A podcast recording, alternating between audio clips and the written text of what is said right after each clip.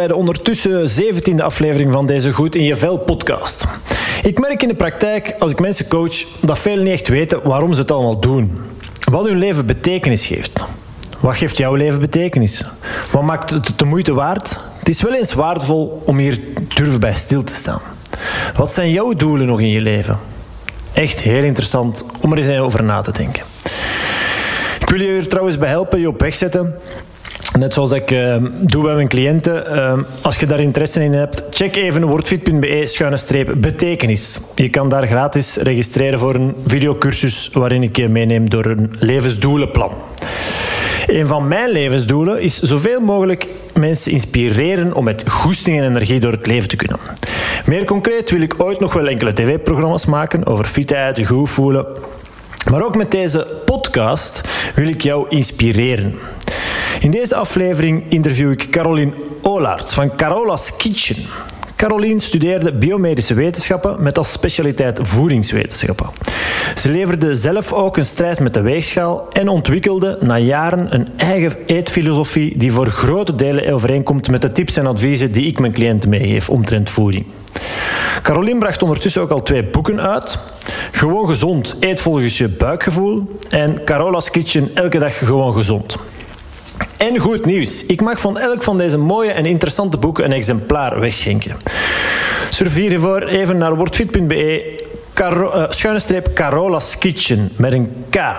Carola's Kitchen, alles aan elkaar. Laat daar maar even van je horen als je een van haar exemplaren van haar boeken wil winnen. Voor nu zou ik zeggen, neem even een momentje voor jezelf, beluister dit interview en laat je inspireren door Caroline Olaerts van Carola's Kitchen. Hey Caroline, uh, bedankt allereerst voor uh, even tijd voor mij vrij te maken. Caroline, even vooruitspoelen om te kunnen terugkijken.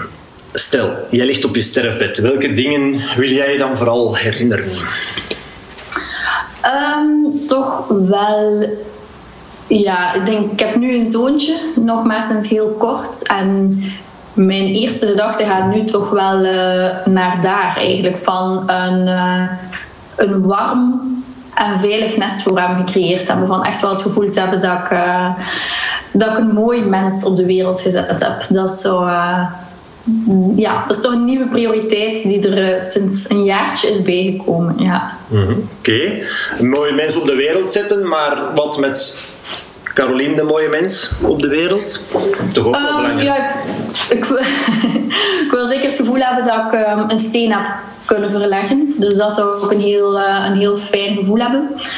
Um, we hadden het daarnet al heel even erover in onze korte inleiding, die niet, niet werd opgenomen, denk ik. Maar net als jij heb ik net hetzelfde uh, idee van ik hoef uh, zeker niet rijk te worden van Carola's Kitchen. Dat is niet mijn intentie, maar ik zou wel, wel heel graag iets kunnen betekenen um, voor mensen. En um, ik heb wel het gevoel dat dat een beetje aan het lukken is. Dus dat is een heel fijn iets. En ik hoop eigenlijk alleen maar dat dat nog wat grootschaliger wordt. Dat zou wel, uh, ja, dat zou wel een droom een beetje zijn. Een droom en een plan misschien ook wel. Oké, okay, mooi. Uh, ja, je vermeldt um, Carola's Kitchen. Ja, um, ja, je heet Caroline Polaert uh, van Carola's Kitchen. Maar voor degenen die jou niet zouden kennen op dit moment, wie is Caroline Olaerts? En ze biedt misschien ook uh, wat van Carola's Kitchen. Uh, ja, ja, absoluut wel belangrijk om uh, even voor te stellen. Ik ga er zeker niet vanuit dat iedereen mij zomaar kent, want ik kom niet met mijn hoofd op tv, dus dat is al een, een, een belangrijke. Um, ik ben 6,5 jaar geleden begonnen met een blog um, en die blog heet Carola's Kitchen. En dat is een delen van recepten enerzijds, waarbij dat de nadruk heel erg ligt op groenten. Dus het zijn heel groenterijke recepten die bijgevolg dus ook uh, evenwichtig gezond zijn en ook lijnvriendelijk. Ik hou niet zo van het woord, maar uh, ja, te voldoen wel aan die, aan die eis. Ehm, en daarnaast deel ik op Carola's Kitchen uh, ook uh, wetenschappelijke informatie. Dus ik ben um, biomedisch wetenschapper van opleiding. Ik heb dus een master gedaan aan de Universiteit van Gent, ondertussen al veel jaar geleden. ik ben 36. Um, en de specialisatie was voeding. En ja, mijn blog wou ik eigenlijk zowel mijn passie voor lekker eten als mijn passie voor wetenschap um, bundelen. En dat was uh, 100% een hobby. Dus dat was nooit, nooit, nooit uh, een plan om daar mijn broodwinning van te maken. Maar sociale media heeft daar een beetje anders over beslist. Um, en uh, nu ben ik sinds drie jaar zelfstandige en um, heb ik twee boeken die uh, op de markt zijn. En draait mijn blog en mijn Instagram ook nog steeds. Dus ik heb uh, van mijn hobby ja, heel erg fijn mijn beroep kunnen maken. Ja. Oké, heerlijk. we zullen ze nog wel wat meer over Carola's Kitchen. Maar je zegt, je drie jaar zelfstandige? Wat was je activiteit? Oh, ik weet het al, want ik heb mijn research gedaan, maar goed, de luisteraar nog niet misschien. Wel, daarvoor was ik uh, leerkracht in het middelbaar onderwijs. Dus ik heb tien jaar in het onderwijs gestaan. Uh, dus na mijn uh, master heb ik mijn leraaropleiding gedaan. Omdat voor mij eigenlijk heel snel duidelijk werd... Alleen niet heel snel, maar in mijn laatste jaar, in mijn thesisjaar... ja, heb ik echt wel aan de lijf ondervonden dat, dat, die wereld, die harde wetenschappelijke wereld, toch niet voor mij weggelegd was. Um, en het leerkracht worden was iets dat wel altijd in mijn achterhoofd zat. Dus dan heb ik de lerarenopleiding gedaan en ben ik um, ja, een beetje met mijn gat in de boter gevallen. In die zin dat ik um, op een school ben terechtgekomen waar ik ook tien jaar ben kunnen blijven. Dus ik was heel snel vast benoemd daar. En ik gaf natuurwetenschappen, dus dat is fysica, biologie en chemie aan de, voornamelijk aan de vierdejaars. Ik heb van derde tot zesde gegeven, maar mijn hoofdgroep ja, groep was toch de vierdejaars. En ik heb dat ongelooflijk graag gedaan, ongelooflijk.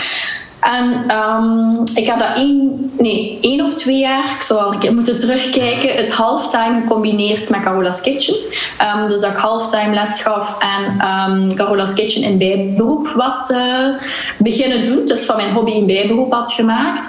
Maar halftijd in het onderwijs, dat bestaat niet echt. Want ja, uw lestijden halveren wel, maar je hebt wel evenveel klassenraden en evenveel een open deurdag blijft een open deurdag. En ook gewild, ja, je wilt nieuwe projecten uitdenken. En ja, dat is. Um, dat was, dat was pittig. Allee, dat was gewoon echt niet leuk. Nee. ja, dat was echt te zwaar. Want Carola's Kitchen, ja, je, dan, je begint dan aan je eigen zaak en je wilt daar ook volop voor gaan. En dat gaat dan niet echt, want ja, ja. Dus dat is heel tijd schipperen. En dat was heel zwaar. En toen was het eigenlijk vrij makkelijk om te beslissen om 100% zelfstandige te worden. Omdat um, ik kreeg de aanvraag van een uitgeverij om een boek te maken. En dat was voor mij echt het duwke, eh, of ja, het zelfvertrouwen dat ik nodig had. Dat gaf me zoiets van, oké, um, er zit hier wel echt iets in en ik ga daarvoor.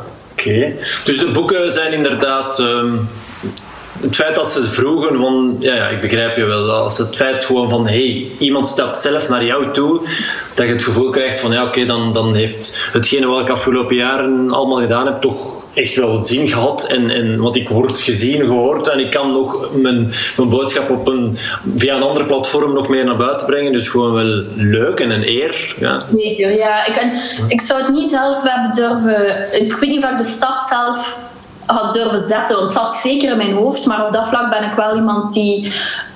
Um, ja, onzeker is niet het juiste woord, maar ik heb snel wel het gevoel van: ja, wat heb ik eigenlijk te vertellen? Toch zo'n beetje.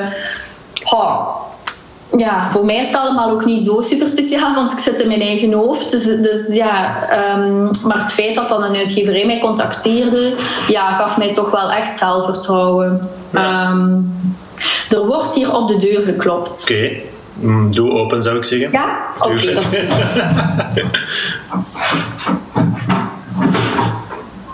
Ik kom eraan.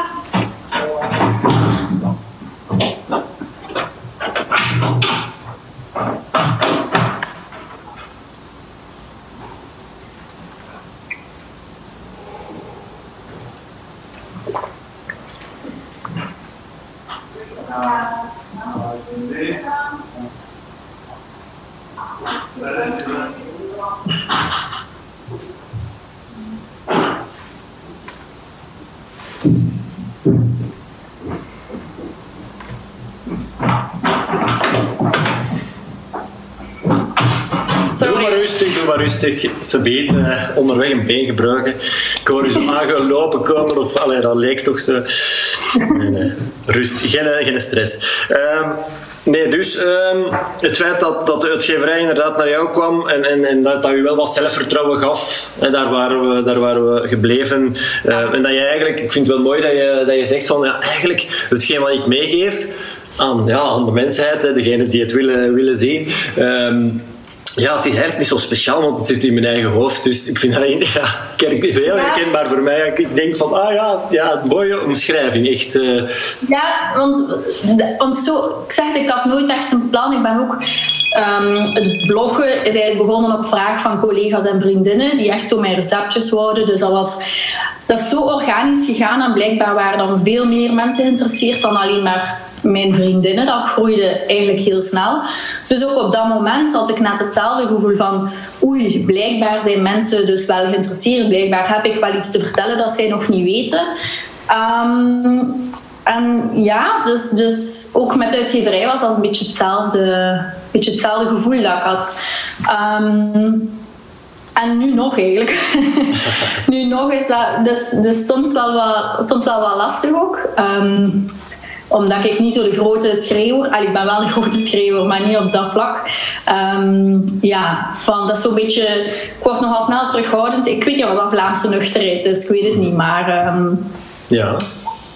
Ja, ja, waarschijnlijk. Maar het is niet precies, denk ik, voor niks nodig. Maar goed, wel te begrijpen. Hè. Ik denk dat het heel herkenbaar is voor heel veel mensen. Ja, ik, uh, ik denk dat het ook een stuk te maken heeft met het feit dat wij in onze opvoeding uh, heel hard meekrijgen van doe maar gewoon, dat is al zot genoeg. En, en allee, ja, die Vlaamse bescheidenheid, nuchterheid. Ja. ja, en ik ben ook wel opgevoed met, met een papa die, die wel heel kritisch was. Dus als ik Allee, ook mijn schoolwerk en zo, van, er was altijd toch wel ook commentaar of feedback, hè? Mhm. constructieve feedback. Dus ik heb altijd wel ook wel um, ja, heel kritisch geweest naar mijn eigen werk toe ook wel. Dus um, maar is dat dan toch ook de hoge lat? Hè? Want, ja, toch wel. Hè, want dat, dat, goh, dat hoeft niet slecht te zijn, maar ik merk in de praktijk gewoon dat hele mensen op allerlei gebieden de, de lat zo hoog leggen voor zichzelf. Um, Jij beseft nu ook van dat is een stukje dat je, dat je hebt meegekregen van je vader, blijkbaar. Um, ja, het is, het is iets dat.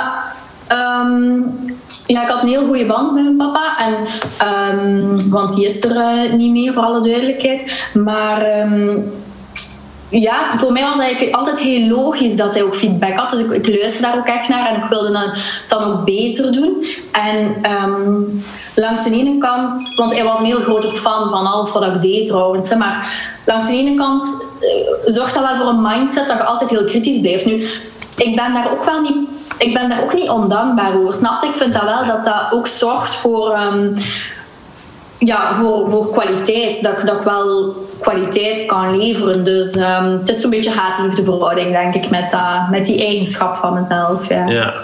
Zeg, je geeft ook aan van, van, um, ja, dat je onzeker bent geweest, toch ook op een of andere... Want, want je, hebt een, een, een, universitair diploma, op zich, uh, ja, je had een, een goede job. Ik weet niet, partner hebben we het nog niet over gehad, maar, maar uh, misschien ook gewoon, hè, privé zat misschien... Ik weet het niet, daar, daar, daar, maar goed, er waren toch wel allerlei factoren dat je zou kunnen zeggen van, hé, hey, goed bezig, alles mm. allee, psyche. Hè? En toch was je on, nog onzeker. Ja. Ha, op dat punt specifiek, je bedoelt toen, dat ik, toen dat ik de overschakeling gedaan heb? Ja, nee, gewoon al. Ja, ik hoor je er juist inderdaad zeggen van je, zei, je, ja, je begint daar hè, voor vriendinnen wat recepten op een blog te zetten en, en wat. En, en, um, maar daarnaast, hè, dus oké, okay, je hebt daar misschien inderdaad nooit bij het begin over nagedacht van hey, ik ga daar ooit mijn, mijn beroep van, hè, mijn, mijn, uh, mijn geld bij kunnen verdienen. Um, maar daarnaast, ja, je bent gewoon met van alles bezig en dat gaat best wel, wel goed. En toch. Um, ben je ja. dan daar ja, nog wel over een stuk van de dingen die je doet nog onzeker en dat is, dat is interessant. Ja, ja, het is toch een soort van... Um, ja, er wordt nogal veel gesmeten met het woord imposter syndrome. De laatste tijd heb ik zo'n beetje het gevoel, ofwel ben ik daar heel gevoelig voor geworden, voor dat woord. Maar het is toch wel... Um, ja, hoe zal ik het zeggen? Het is eerder... Ik denk dat ik een beetje onzekerder ben geworden met, uh, met de jaren. Want hoe meer dat je leert, en ik heb de voorbije jaren heel veel bijgeleerd, ongelooflijk veel. Ja, dat is ook een beetje het voordeel van er echt een fulltime beroep van te maken. Dat we ook, en ook van die boeken te schrijven, dat verplicht u echt om er full-on in te duiken in de materie. En um, dat is ook confronterend in die zin dat. Um, dat ik ook heel veel heb bijgeleerd en daardoor onzekerder ben geworden. En dat is dat dat is die contradictie die hem zo wel zit in um, mensen die, die er iets van af weten, bijvoorbeeld over voeding.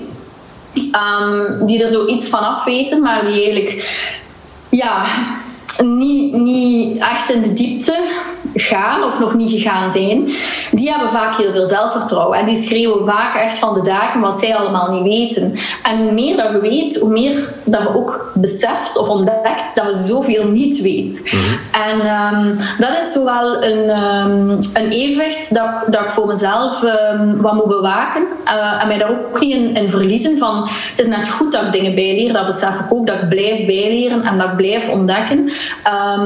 Maar het is eh, het is moeilijk om dan niet daar ook onzeker van te worden, snapte? Dus um, dat heeft een naam trouwens. Dat ja, dat zou kunnen. Dat zou, maar ja, ik, het is heel herkenbaar, maar de naam inderdaad uh, weet ik ook niet direct, eh, kan ik niet zeggen. Maar het is wel heel herkenbaar. Ik denk dat het misschien ook gewoon een stuk verklaart dat er gewoon heel veel wetenschappers jaren. De laatste tijd is dat een beetje aan het veranderen. Ik heb uh, Michael Selt bijvoorbeeld ge geïnterviewd, de hoofddiëtist aan, aan het UZA, Universitair uh, Ziekenhuis in Antwerpen. Hij is wel wetenschapper en, en, diëtist. Vroeger, een wetenschapper zat gewoon in zijn labo. Hè, en, en wist superveel, maar, maar de, de, de, de, ja, de wetenschappers die vroeger naar buiten traden, die waren echt heel dun gezaaid. Dat is een beetje de laatste jaren aan het veranderen, maar goed. Ehm, terwijl dat dan in de, ja, aan de andere zijde, aan de andere kant, uh, zoals je zelf zegt, inderdaad, gewoon uh, jonge dames soms, of, of jongen allee, die er gewoon strak uitzien omdat ze gewoon ja, goede genen hebben en gewoon nog heel jong zijn. En allee, weet je wel, dan ineens gewoon inderdaad gaan schreeuwen: doe dit en doe dat. En ik heb hier het uh, wonderschema van heb. Want, want allee, terwijl ja, je hebt gewoon goede, je hebt moeder, ja. natuur is je goed gezien geweest, snap je? En ja. En dat is een heel moeilijke strijd, want ik ben blij dat dat, woord, dat voorbeeld nu geeft. En in de tijd waarin we nu leven met corona, zie je dat ook heel mooi. Als je de echte wetenschappers naar voren laat komen, en die zijn nu heel vaak aan het woord gelukkig, dan zie je de ongelooflijke nuancering, de ongelooflijke voorzichtigheid waarmee dat die mensen uitspraken doen. En daartegenover staat dan mensen die er een stuk minder van afweten, die wel heel harde en, en zwart-witte uitspraken durven doen over deze kwestie, over de coronacrisis specifiek. Maar dat komt inderdaad terug met, op voeding. Hè. Dus, dus ja, het woord coach is inderdaad heel hol. Hè. Dus dat heeft echt nog geen goede invulling, dat heeft nog geen goede definitie. Dat is nog, ja, daar moet echt iets aan gebeuren. Dat ben ik helemaal akkoord met, met, u. Namelijk, um, het kaf van het koren moet daar eigenlijk ook gescheiden worden op een of andere manier onder de coaches zelf en onder, onder dat beroep. Um, want die kunnen zeker volgens mij meerwaarde zijn. Maar het grote probleem is dat er daar. Um, onder die niet beschermde titel, want iedereen mag zichzelf een coach of therapeut noemen, dat niet, of, of, of uh, zelfs deskundige, je mag je zelfs gewoon zomaar voedingsdeskundige noemen. En die schreeuwen inderdaad heel luid, omdat die niet Um, die, hoe minder diep dat je graaft, hoe zekerder dat je ervan bent dat je alles wel weet en dat je alles wel gezien hebt. Maar dat is heel frustrerend, want dat is een ongelijke strijd. Want vooraleer dat ik iets ga zeggen, vooraleer dat ik iets naar buiten ga brengen, ben ik daar veel langer aan bezig om dat allemaal uit te spitten en om zeker te zijn dat ik wel goed op de hoogte ben van alles. En zo iemand, um, ja, zoals jij daarnet een beetje um, een, een karikatuur ervan schetste, maar we weten allemaal over welk type dat, dat het gaat. Ja, ja, um, die zijn veel sneller in het doen van dat soort uitspraken. En dat, is, um, dat bedoel ik met die onzekerheid. Van denk als wetenschapper, of als, om, je hoeft als niet een wetenschapper te zijn, maar iemand die heel gepassioneerd en heel diepgaand bezig is met iets, um, en de gewoon die laag van voorzichtigheid uh, wel.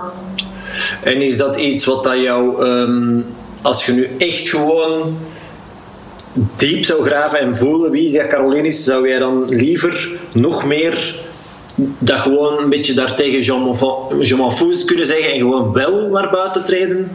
Oh nee, want ik zou mijn eigen dat niet kunnen vergeven. Dus ik vind wel dat dat is ook eigen aan, en um, enerzijds ja, de combinatie van wetenschapper en perfectionist. Ik denk dat dat zo een klein beetje hand in hand gaat ook wel.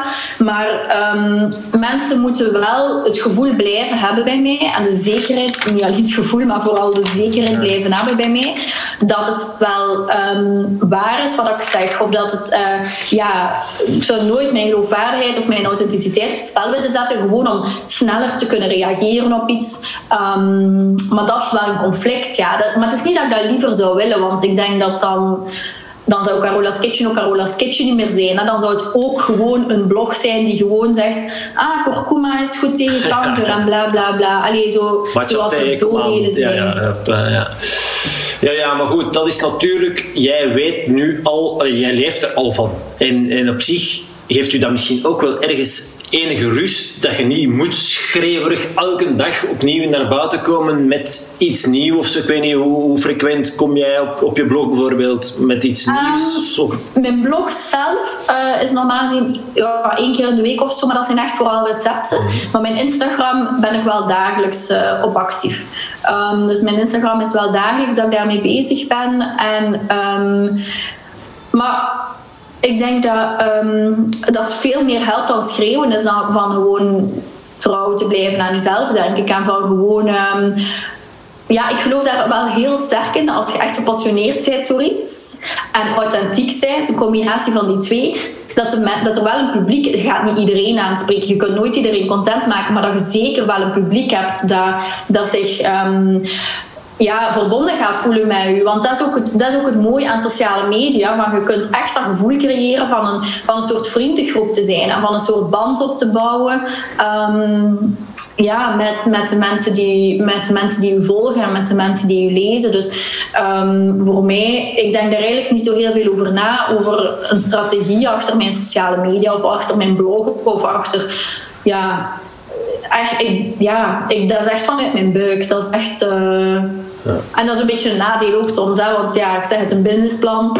Nee, onbekend, ja. Ja, bij mij is dat ook zo, ja. ja. Maar ik, ik, ik, uh, ja. ik ben ook zo, cijfertjes, oh, uh, ja, boekhouder, oh, ja, oké. Okay. Um, maar is het dan, want dan kan ik maar alleen dan, dan, kan ik me voorstellen dat de luisteraar zich afvraagt van en uh, hoe kom jij dan uh, ja, hoe kom je daar rond? Hè? Ja, leef je dan gewoon van je boeken? Of heb jij ook een, net als ik een heel goede partner die, eh, waardoor dat het even... Dat vraag, uh, ja, dat is echt een vraag die mensen... Um, toch stellen waarschijnlijk. Toch een beetje schaamteloos durven stellen soms. Ah, sorry. Maar uh, nee, het is geen sorry, het is gewoon verrassend. Dat, dat met, um, ja. ja, hoe kom ik rond? Ik vraag het mijzelf soms wel af. maar het lukt dus. Nu, pas op, um, mijn boeken doen het wel goed. Dus ik zit zeker niet op de kar van een uh, Pascal Nazis en een Sandra Beccari en zo van die dingen. Um, die plaatsjes zijn nogal beperkt hier in ons Vlaanderen, maar ze doen het wel goed, dus dat is wel heel fijn. En zeker omdat um, ze zijn beide al ja, gewoon gezond is uitgekomen in 2018 en um, Carola's Kitchen is uitgekomen in 2019. En binnen de sector zijn het relatief oude boeken, hè, binnen zo dat lifestyle-achtige. Maar ze doen het nog altijd echt heel goed. Ze staan nog altijd, Carola's Kitchen staat, um, heeft de voorbije drie of vier weken alweer in de top 100 van Vlaamse boeken gestaan. Dus ik heb blijkbaar toch een relatief tijdloos product um, gebracht. Dus dat is heel erg fijn.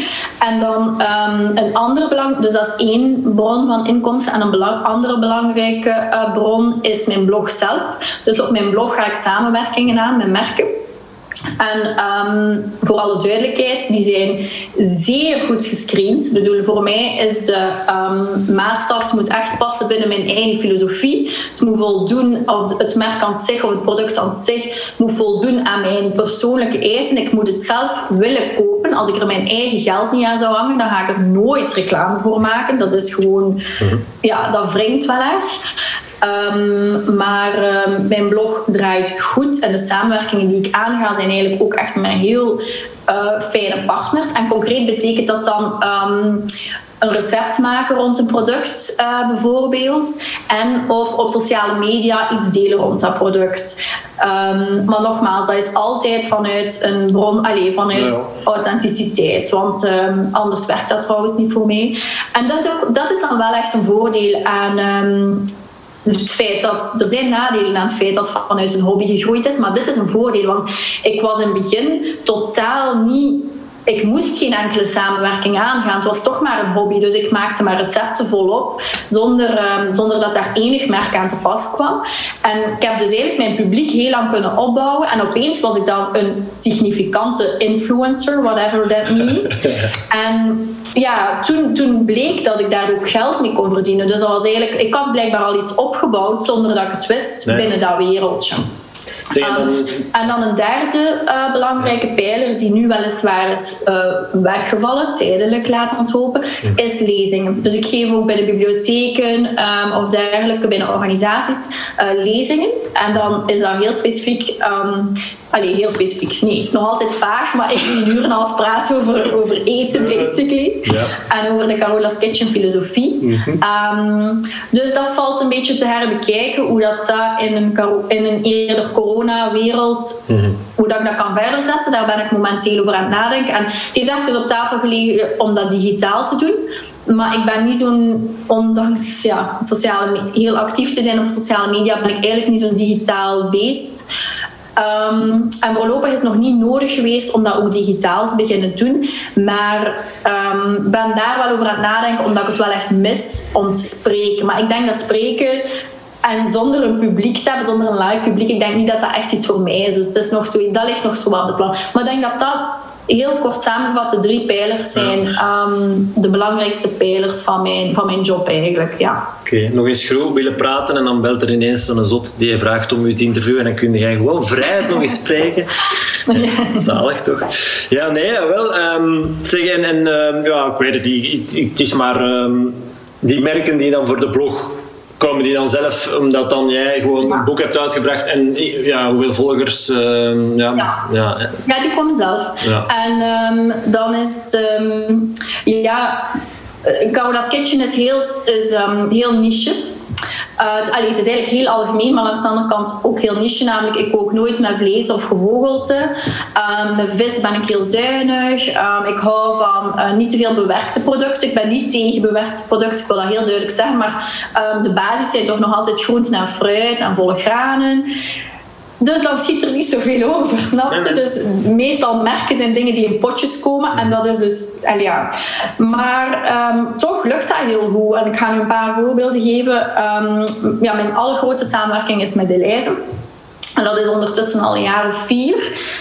Um, dat is, um, ja, ik doe dat ongelooflijk graag. Echt, dat is een heerlijke samenwerking. Uh, want ik mag, om het, ik mag 100% mezelf zijn, snap je? Dus ik mag eigenlijk gewoon welk de reizenproduct het is, het maakt niet uit. Um, zij gaan nooit zeggen tegen mij, Caroline, je moet dit product naar voren brengen of dit product. Ik mag letterlijk gewoon mijn boodschappen doen en dan delen met mijn volgers wat ik daar interessant vind. Um, ja, dat is een droom. En die zijn zelf, allee, dat is nu al vier jaar, dus er is heel veel vertrouwen langs weerskanten. Want in influencerland is vier jaar is dat echt een eeuwigheid. Ja, ja. Um, en andere samenwerkingen zijn, um, zijn wat minder lang. Dus bijvoorbeeld een, mos, een merk van mosterd of sojasaus is zo gepasseerd. Of ja, zo van die producten. Nu was er een, vegetarisch, uh, een merk van vegetarische vervangers. Um, die zei van, wilt je iets maken? Um, en dat is toevallig één product dat ik heel vaak gebruik. Dus ook dat is, um, is een heel goede match geweest. Mm -hmm. En zo blijft dat gaan. Maar het is natuurlijk wel een beetje het leven van de freelancer, zouden we kunnen zeggen. Het zit onzekerheden. Hè. Er zijn heel goede maanden en er zijn ook maanden dat dat, dat niet zo goed is. Dat is gewoon eenmaal zo, ja. Zeg, en, uh, ja, ik, ik was uh, zo uh, onbeleefd, maar goed, ik, ik probeerde in de hoofden van de luisteraar te kruipen en het daarom dan ja, maar te ja. vragen. Dus hey, hoe kom jij rond? Maar is, daar heb je net een antwoord op gegeven, maar is het dan misschien ook zo dat jij misschien gewoon tevreden bent met simpele dingen? Want goed, nee. Ja, ik denk, een van mijn belangrijkste... Um, motto's is, en ik heb daar ook geen moeite mee, is you can make yourself rich by making your wants few. Dus um, ik, ik heb wel echt geen natuurlijk verlangen naar veel kleren en een schone auto. Dat, dat zit gewoon echt niet in mij. Ik vind wel ervaringen heel belangrijk. Bijvoorbeeld, ik ga graag op reis, ik ga graag gaan eten. Ehm, ik breng graag tijd door met vriendinnen. Dus ik hou ontzettend van ervaring, maar ik ben helemaal geen materialistisch persoon. Tot in het, ja, tot in het, tot, tot de grote. Um. Schaamte. Ja, schaamte. Soms van Ja. bijvoorbeeld mijn zus of zo, die heeft me Ja. altijd kledingbons. Ja, ja. ik gewoon, ja, deze trui is gaat je letterlijk trouw nu wel aan. zes of zeven jaar Ja. oud. Ja. Ja. dat boeit mij echt voor geen meter. Dus dat, is, dat maakt het wel makkelijk natuurlijk om op die manier ook erin te staan. Hè. Ik heb Ja. geen...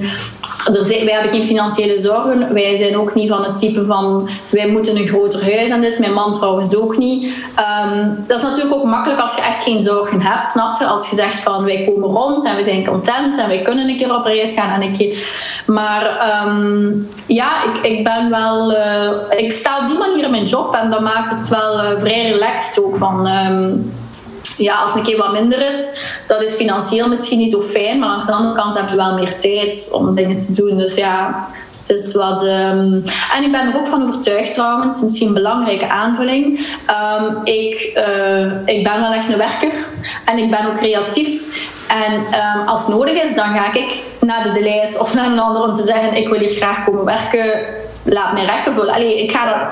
Ik vind dat niet erg. Ik zou dat nooit, ik zou dat nooit of ik ga terug in het onderwijs. Snap? Ik heb wel op die manier zorgeloosheid over het feit dat ik wel altijd werk ga vinden of een manier ga vinden om aan geld te komen. Dus ehm, omdat ik dat gewoon eigenlijk allemaal leuk en boeiend vind. Dus dat is eigenlijk eh, ja, weinig, weinig stress daar rond. Ja. Ja. Oké, ah, en, en de tv op de achtergrond, dat moet niet elk jaar een nieuwe, grotere zijn. En, eh en allee, weet je, fuck dat, ja. Nee, nee, nee. Het is, het is, ehm, nee, wij zijn eigenlijk op dat vlak, materialistisch gezien, eigenlijk heel eenvoudig. Maar ik vind dat ook wel dat dat rust geeft. Dat, dat, ja... En, maar ik denk ook dat dat veel afhangt van... Ik heb ook geen omgeving die zo is, snap? Ik heb geen omgeving die vraagt naar... ah, en uw auto, dit of dat. Ja, ik ben wel echt omringd door mensen die dat allemaal vrij weinig boeit. Dus dan... ehm, want ik ken wel vriendinnen die dan een andere vriend, ander soort vriendenkring hebben, waar dat er wel echt over zo'n ding gepraat wordt. En ja, ik weet niet hoe dat ik zou reageren in zo'n eh, in zo'n milieu. Dus eh, ik heb wel het geluk dat ik... ehm, ja, dat dat heel natuurlijk is en heel chill is eigenlijk. Ja. Ja, ja, ja. Dat je, ik, kan, ik, ik circuleer ook in verschillende werelden, eh, vooral via, via mijn vrouw Veronique. En, en inderdaad, wordt, goh, ik kan beamen in heel veel, eh, ja, oh, je hebt geen Range Rover? Allee, echt zo, eh, nee, what the fuck, ik moet geen Range Rover Ja, als je zo'n vragen krijgt, ja, dan moet dat inderdaad wel wat. Ja, zo'n dingen heb ik dus nog nooit gehoord, maar Ja, nee, nee. ze bestaan, ze bestaan. Ja, ja, ja, ja echt, ik denk het wel. Sowieso. Zeg, ehm, jij, ja, je hebt je eigen ehm, eetfilosofie gecreëerd. Je gaf er net al aan, je eet van geen eh, vis, eh, weinig vis, maar weinig vlees en gevogelte. Of geen eh, vlees of gevogelte en weinig vis. Ehm, kan je nog iets meer ehm, daarover vertellen, over jouw eetfilosofie? Ja, het, is, het is nogal vaag misschien. Maar voor mij is het eigenlijk heel duidelijk. Namelijk, ehm, de basis is groente. Dus ik denk dat dat het belangrijkste is. Het is een beetje een klassiek regeltje. Maar ik trek het nogal in het extreme door. Namelijk, vul de helft van je bord met groente. Dat is zoiets dat ehm, bij ons vanuit Vlaams Instituut Gezond Leven ook wel op die manier gepromoot wordt. Op school wordt dat op die manier gepromoot.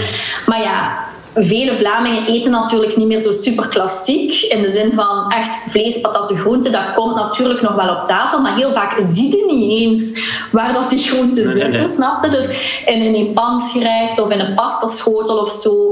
ehm, ja, waar moeten die groenten dan kruipen of hoe meet je dat dan? In alle geval ehm, is vanuit dat idee een beetje, ehm, ik zeg niet vertrokken, maar dat idee zit er heel sterk in. Namelijk de basis van elk gerecht, de meerderheid van elk gerecht zijn groenten. Ehm, en ja, waarom is dat? Omdat groenten natuurlijk veel vitamine, veel mineralen, heel veel vezels. ehm, door een regenboog aan kleuren te nemen, want met groenten kunnen extreem ver gaan en extreem mooi gaan, uh, voegde ook heel veel bioactieve, verschillende bioactieve stoffen toe aan je eetpatroon. Ehm, met groenten kunnen seizoensgebonden gaan eten, dus ook op die manier kunnen veel geld uh, besparen. Um, wat dat toch um, ja, ook iets is waar ik probeer rekening mee te houden. Wel, omdat ik, ik wil graag heel toegankelijk zijn voor iedereen. Ik denk dat dat ook een heel belangrijke is. Ik wil heel graag aantonen dat je um, met gewoon basisvoeding uit een gewone supermarkt, dus zonder te moeten naar een speciaalzaak gaan of zonder te moeten naar een, een biowinkel te gaan, dat je toch 100% perfect gezond kunt eten. Je hebt geen poeders nodig, je hebt geen supplementen nodig, je hebt geen superfoods nodig of whatever that means. Mhm. Ehm, maar verder, verder dan dat, dringt mijn eetfilosofie, namelijk bijvoorbeeld het feit dat ik zelf geen vlees gebruik, dat is een heel persoonlijke keuze, maar dat zal ik bijvoorbeeld nooit echt gaan doorduwen in mijn blog. Ehm, dus mensen reageren ook soms, uh, want mijn blog is, is nogal interactief, dus mensen laten ook heel veel reacties na onder de recepten. En sommigen maken er vlees bij. En dat is helemaal oké, want wie ben ik om te zeggen dat een ander niks mag doen? Ik wil gewoon met Carola's Kitchen meegeven, kijk, de basis zijn groenten en fruit, de basis zijn onbewerkte producten. Um, here you go. Doe ermee wat je wilt. En ook, um, het is ook iets dat, waar ik een beetje sport van maak zelf, is, zelfs is om... Um, ja, de klassieke eter, de carnivore, de moeilijke eter, om die ook allemaal mee te krijgen. Ehm, ik vind dat geweldig. Geweldig. Dat zijn de reacties die mij echt het blijst maken. Hè? Van mijn man die toch altijd zijn vlees wil hebben, die heeft super hard genoten van uw volle veggie, um, die is 100% vegan is. Ja, dat is, dat is echt, dat maakt mijn dag goed. Hè? Zoiets, dat maakt echt mijn dag goed. Hè?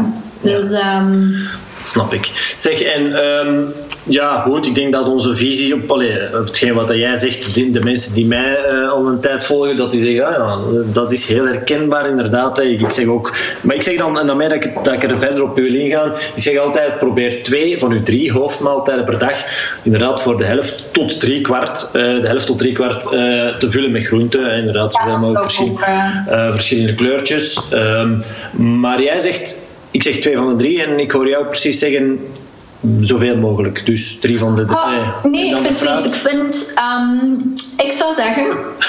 Kijk naar uw huidige eetpatroon. Hè? Dus van, als mensen mij vragen om advies, kijk naar uw huidige eetpatroon. Um, haalt je dat echt niet? Want um, je zult vermoedelijk ook wel uh, even goed weten als ik. Maar um, dus de aanbevolen hoeveelheid groente is 300 gram per dag. Maar het is slechts 3% van de Vlamingen haalt dat. Dat is, dat is ik vind dat absurd. Ik kan daar niet bij mijn 300 gram. Ik haal, dat, ik haal dat bij wijze van spreken bij mijn ontbijt al. ik bedoel, um, dus ik, ik wil heel graag vertrekken, niet vanuit mijn eigen perspectief, want dat is echt dat staat heel ver van de realiteit af. Dus ik, wil, ik vertrek het liefst eigenlijk van het perspectief van de persoon die bij mij komt aankloppen, zo gezegd. Virtueel uiteraard. Ehm, en dan heel eenvoudig van voeg inderdaad, gelijk dat gezegd, bij, bij een maaltijd, begin bijvoorbeeld bij uw, um, uw lunch, een klein beetje rauwe kost aan toe te voegen. Of soep. Soep telt ook als groente. Um, trouwens ook in die peiling, wat absurd is, want bij die 3% zit dus ook nog soep. Al in. Oké. Ehm, dus, en als je dan wat hebt opgebouwd, kun je inderdaad een stapje verder gaan. Ik bedoel, er zijn heel veel mensen die dus nog een, um, de maaltijd s'avonds draait heel vaak nog rond het vleesje. Wat eten we vanavond? Ah, biefstuk of koteletten of weet ik het. Um, vandaar dan ook zachtjes aan te zeggen van, maak inderdaad een keer, ay, mensen die een recept van mij maken, beginnen eigenlijk ook heel vaak zo. Mensen maken vaak recepten van mij als bijgerecht. Wat absurd is, want het zijn volwaardige gerechten. Ehm, maar ontdekken gaandeweg van, hé, maar dat vleesje is eigenlijk niet nodig. Um, ik ga dat toch een keer beginnen weglaten. Dus... Um, dus ik kan me zeker 100% vinden in uw idee van twee van de drie maaltijden. En inderdaad, de helft tot drie vierde groenten, daar, daar zou ik 100% mee akkoord gaan. Maar ik denk wel dat het belangrijk is van de mensen steeds te laten vertrekken van hun vertrekpositie ja. um, en heel kleine stapjes zetten in die richting. Ja. Ja. ja. je kunt niet verwachten dat ze nu nooit nul groente eten en dan ineens zeggen twee van uw drie hoofdmaaltijden. Oké, okay, begin mee. Het zou trouwens ook heel slecht zijn voor een darmen. Dat zou, ja, ineens, dat zou wel echt... Oh, zeg, want uh, ja, ik, ik, ik, goed, dat is ook inderdaad eigenlijk... Goh, als ik dat nu meegeef en zeg dat is gewoon puur vanuit hoe dat ik dat ervaar en hoe dat ik merk dat dat werkt. En, en, en voor mij werkt, maar goed, iedereen is daar inderdaad vrij in. Ik zeg dan, begin uw een dag uh, met fruit. Want mm. doorheen een dag als tussendoortje zal ik straks nog wel eens een appel of zo eten. Dat komt er dan weer niet van. Dus als je gewoon een dag al begint met fruit te eten, fijn gesneden. Hè, want oh, fruit. Ik zeg, je maar fruit staan in een hotel, hè, dat, dat schept het toch wel in. Nou, ah ja, ja, wel. Hè, dus snijdt dat al uh, fijn, de dag daarvoor misschien al. Of, of in een potje bewaren twee dagen daarvoor. Begint met dat fruit, met een yoghurtvariant. Varieert daar ook weer al gewoon in. En, en dan inderdaad twee van de drie hoofdmaaltijden, voornamelijk groenten. En dan Mhm. Ja, dan, hoe, pak jij het fruit? Want ik, ik, je zegt van, ik, ik zit al misschien aan 300 gram groente bij mijn ontbijt. maar ik hoor je wel degelijk, ah, die, al, die elke dag. En, en, maar hè, soms, ik weet, als je moet genuanceerd worden, weet ik wel. Uh, maar wan, ik hoor je ook zeggen groenten en fruit. Dus wanneer uh, pak jij, eet jij je fruit dan? Of wel, in... zelf um, zal ik zelf eet ik inderdaad ook heel graag, want die groente bij mijn ontbijt, dat was een beetje... Een, soms gebeurt dat, maar de minderheid van de gevallen. Meestal eet ik ook inderdaad een... Uh, op dit moment, ik ga er wel bij zeggen, want podcasts hebben het nadeel dat ze altijd zo ja, tijd gebonden zijn. En vraag mij wel dat binnen een jaar opnieuw. Want een jaar geleden ongeveer, denk ik, um, of nee, pak twee jaar geleden, had ik altijd een hartig ontbijt. Ik had echt altijd groenten als ontbijt.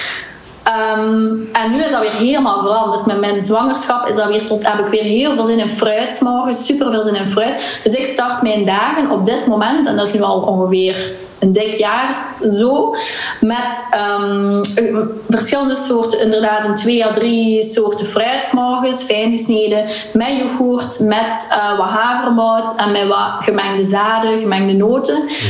Um, ja, ik I love it. Elke dag opnieuw. Ik raak dat niet beu. Um, nu, ik denk dat het wel heel belangrijk is dat mensen... Um, ik denk dat het geen must is dat mensen fruit eten. Um, ja, het is geen must dat mensen fruit eten. Als mensen groenten eten, dan komt het zeker ook aan uh, heel het assortiment dat je nodig hebt. Fruit is niet per se nodig. Maar ik vind fruit ongelooflijk lekker op mijn ontbijt. Dus ik denk dat mensen vooral heel goed moeten um, ontdekken en onderzoeken. En dat is een beetje met vallen en opstaan natuurlijk. Van wat werkt er voor mij? En um, ik weet nog dat ik een keer fruit zat eten. Dat is nu echt jaren geleden. Ze. Maar op mijn nuchtere maag was ik een appelsien beginnen eten. Ik vind dat heerlijk. Ik vind dat echt die frisse smaak morgens. En mijn onkel die zag dat, dat was een grote vakantie. En um, die kon daar niet bij. Die werd daar bijna misselijk van dat ik een appelsien op mijn nuchtere maag aan het eten was.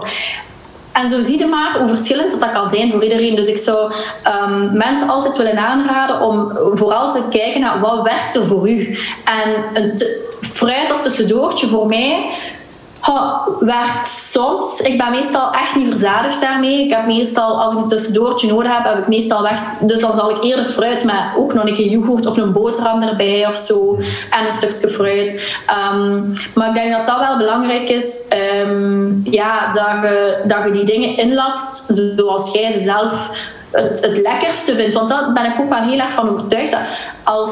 Um, het is alleen maar duurzaam, het is alleen maar een lange termijn uh, plan als je er ook echt plezier aan beleeft, als je er genot aan beleeft. En niet als je dingen tegen je zin moet doen of als je moet forceren, dan gaat het toch vroeg of laat um, hervallen, mm -hmm. quote unquote, ja, zeg ik nee, even, ja. um, tussen aanhalingstekens. Dus in oude gewoontes. En je moet dus echt daar dingen zoeken die, uh, die werken voor u. Want die tijd dat ik, dus dat jaar dat ik echt met, met groenten aan het ontbijten was en ik deelde dat op mijn Instagram, mensen vonden dat verschrikkelijk. Mensen konden daar niet bij dat ik met groenten, dat ik rauwe tomaten aan het eten was of, of gebakken tomaten. Ja, dat ze moeilijk. Terwijl, ja, dat voor mij werkte dat goed. Ik, ja, ik had toen vrij lang, allee, we hadden toen um, redelijk kort op elkaar twee reizen um, door Vietnam uh, gemaakt, Vietnam en Cambodja heel kort op elkaar. En we waren echt redelijk verliefd op, uh, op, dat, op dat land. En daar ontbijt je niet met fruit. Daar ontbijt je... Dat is echt al... Dat, daar ontbijt ze met noedelsoep. Dus dat was eigenlijk zo gekomen dat, dat, dat ik dat in het begin raar vond. En daar ontdekt heb. En toen dacht van... Oh, dat is echt, dat is echt lekker. Ja, zeker. Ja. Oké, heerlijk. Ja. Dus um, ja, interessant om, uh, om ook... ja, dat je vanuit een wereldvisie. Ik denk dat het ook wel. Um, ja, voor mij ook. Ik, ik, ik, kijk bijvoorbeeld, ik ben ook in Kenia rondgetrokken. En daar honger leren ervaren. Of, of zelf niet ervaren, maar gezien wat honger was. Ik heb ooit, wel, uh, ik heb ooit zo eens een, uh, een trainingsschema, zo een, echt een vaste, een vast voor een echte marathon, echt voor mijn condities. Wat. Toen heb ik echt honger ervaren, maar in Kenia zag ik echt honger, snap je? En dat was voor mij, ik hoor jou, ik vind het leuk dat je het zegt, van, door daar ergens in een ander land rond te trekken en daar te zien van hoe dat, hoe dat het kan. Uh, of, of dat je toch ja, door, door ervaringen inderdaad, dus zei daar straks, ik wil mij ook vooral leuke ervaringen en, en dingen kunnen herinneren dat het wel interessant is uh, dat, dat dat ook jouw visie weer al toch net weer iets verandert en, en weer al wat ruimer ja, maakte. Precies, ja. ja, gezien. Want onze wereld is zo klein hier en wij hebben ook maar onze gewoontes.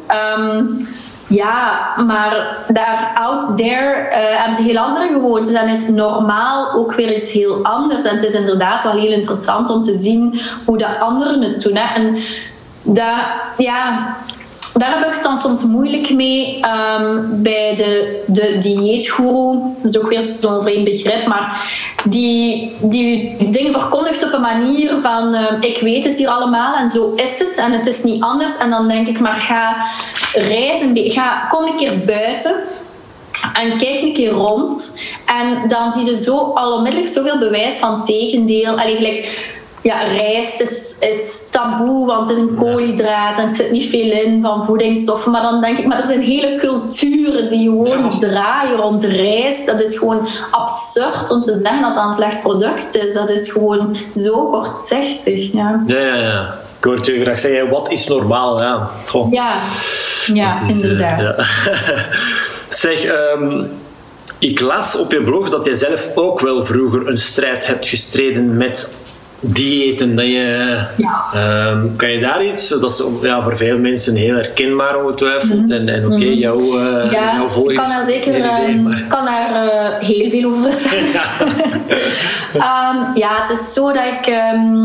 en de mensen die mijn, mijn boeken lezen, die gaan... Ja, een boek is toch een, een makkelijk medium, vind ik, om wat genuanceerder en ook wat dieper op zo'n dingen in te gaan. Maar uh, kort samengevat heb ik in mijn tienerjaren een eetstoornis gehad. Een, uh, een ernstige eetstoornis gehad.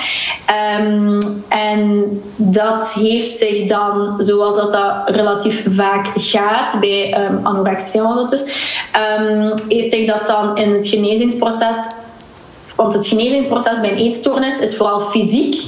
Maar mentaal zit je, zelfs al komt je bij en zelfs al zien mensen van ah, ze is terug oké, okay, zijt jij in je hoofd nog altijd even ziek. Ja, ja, maar ja, bon, in het begin wordt alles op alles gezet om je uit die gevarenzone te halen qua gewicht en dat begrijp ik ook helemaal.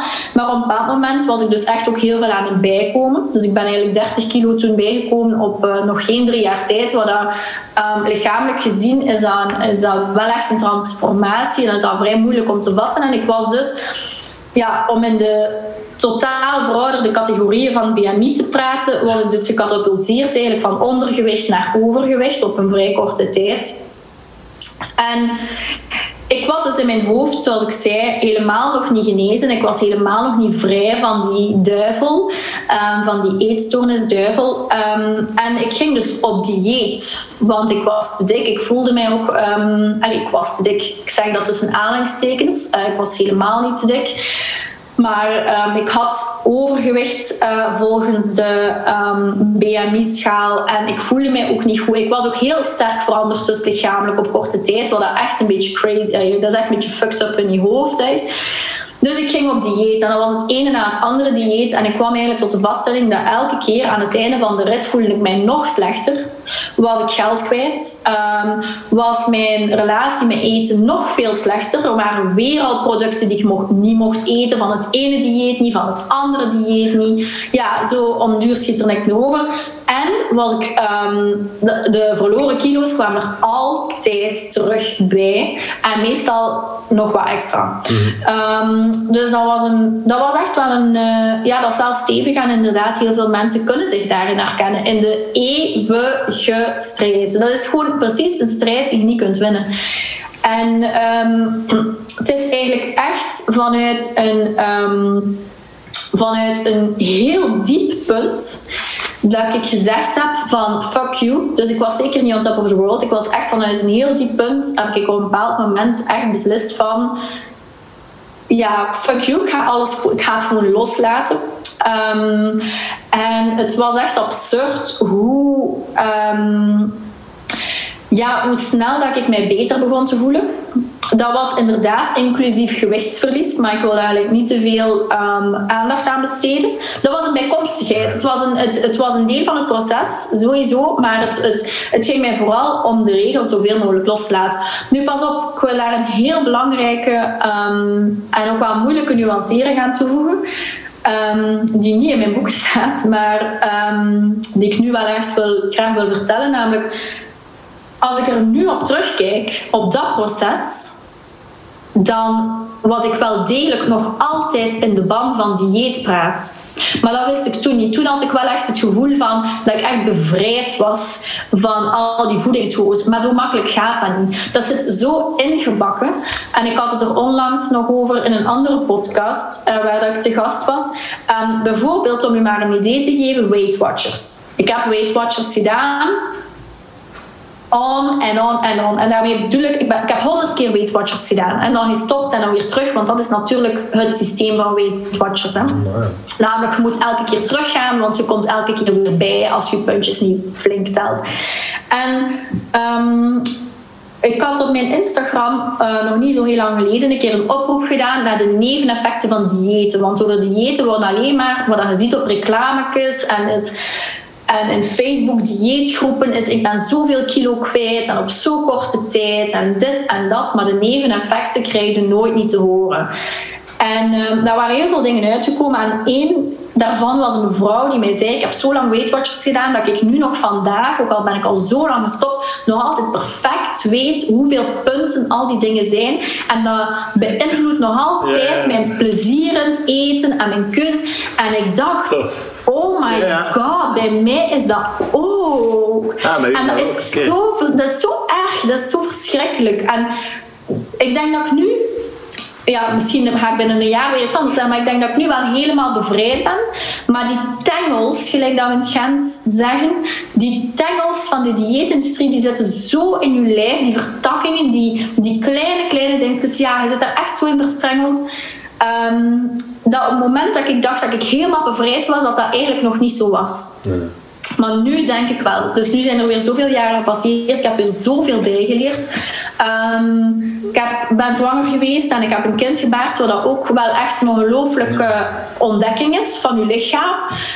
Um, ja, dus dat is een beetje mijn verhaal, denk ik, met het, het diëten en de, de extreme van de, van de weegschaal toch wel, ja. Oké, heel interessant en ongetwijfeld heel herkenbaar uh, voor velen. En inderdaad, uw voorbeeld van, van madammetjes die zeggen, ik weet toch van elk voedingsmiddel exacte weetwatcherspunten. Man, man, zo kan ik, ja, ja. Zwat. Um, nee, um, ja, ik zeg het, uh, heel interessant nu. Um, ja, dus jouw boek, hè, ze kunnen het kopen. Hè. Ik denk dat het voor, uh, voor veel mensen uh, heel interessant kan, uh, kan zijn, sowieso.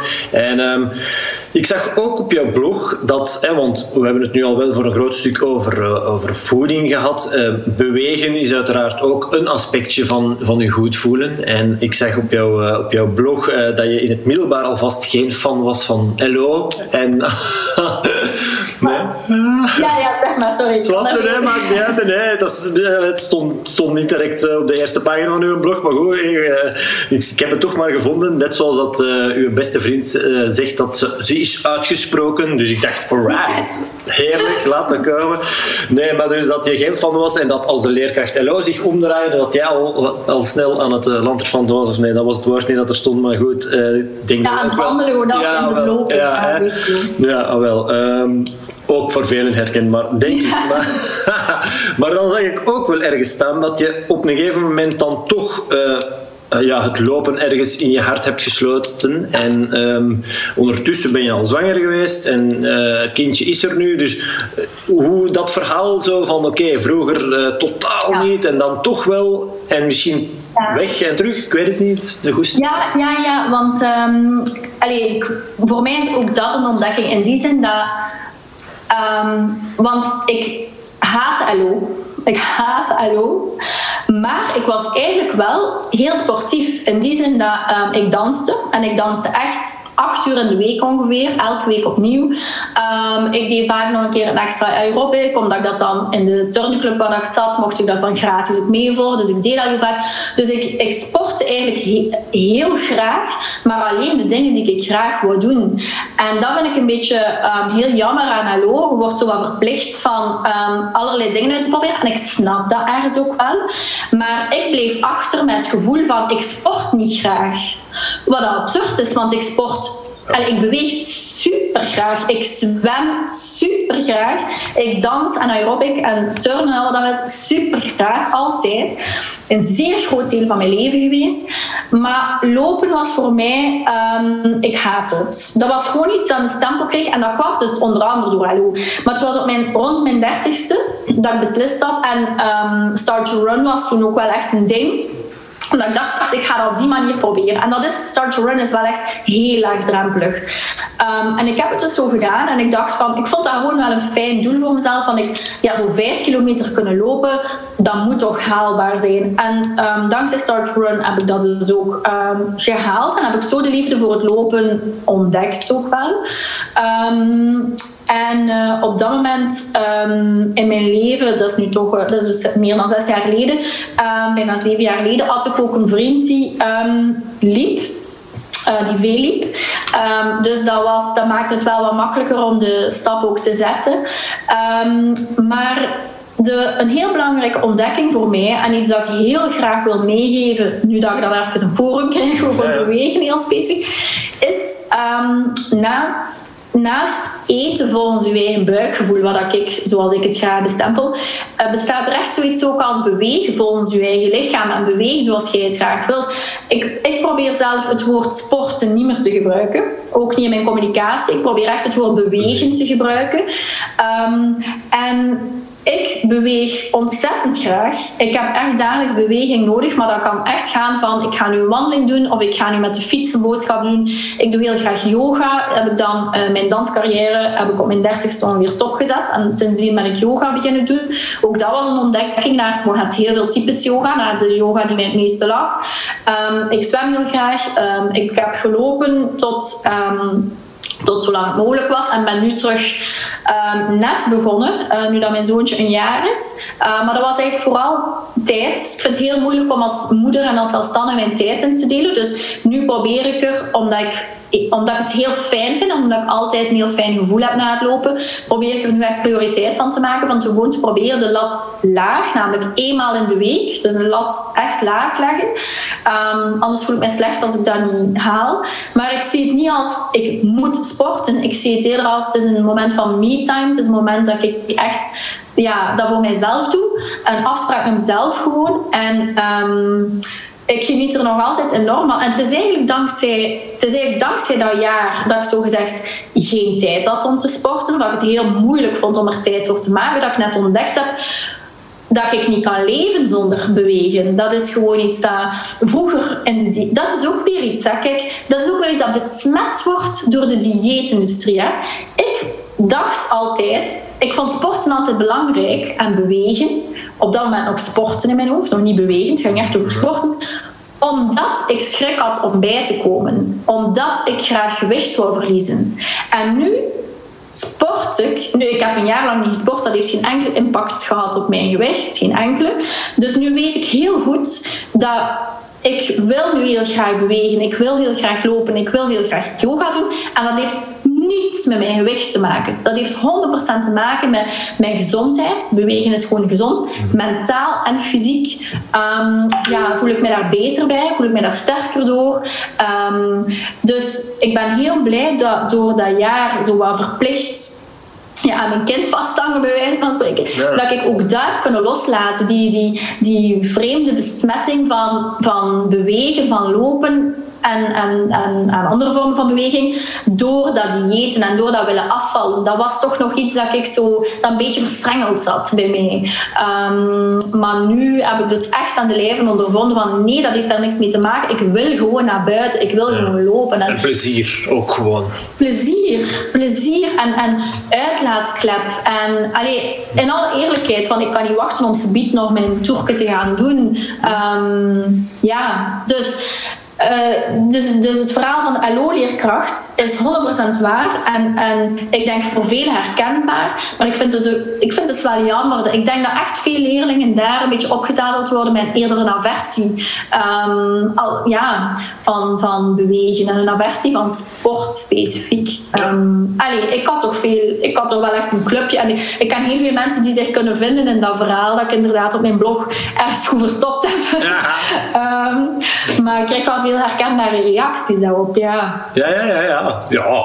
Ik, als ik gewoon zelf aan mijn eigen uh, lessen terugdacht, oké, ik, ik had dat niet, want ik, ik, had, ik was uh, actief. En, en, maar in elke klas, ik denk dat iedereen die dit hoort, en terugdenkt aan zijn, aan zijn vierde, vijfde middelbare, allee, wel enkele leerlingen of, of, de helft van de klas achter, de, achter de haagwinder van achter aan het sportterrein. Ja, dat was iedereen aan het wandelen. Al heeft toch de, heel veel mensen. Dus ja, uh, allee, ja, dus dat is heel herkenbaar, denk ik, voor heel, heel, heel veel mensen inderdaad. Ja. Oké, nee, goed. Um, dus nu een jaar, um, ik vind het heel interessant en, en ik, ik, vol, ik geef jou volledig gelijk. Hè. Als het echt, je hebt een jaar niet gesport en je bent in C niet, niet bijgekomen, um, of ja, je zult wel eens een kilo zijn bijgekomen en is er terug af. Ik bedoel, dat maakt ook allemaal niet uit. Hè. Dus zo zijn er ook heel veel mensen die elke dag op die weegschaal gaan staan en die dan, ja, ik was 500 gram afgevallen. Ja, ik heb er straks ook waarschijnlijk als ik naar het wc was gegaan, maar goed. Ja, dus, uh, ja, maar uh, nee, goed. Uh, maar effectief kunnen we daaruit concluderen dat het gewoon ja, als het gaat over afvallen, dat het vooral rond die voeding draait? Ik bedoel... Nee, nee.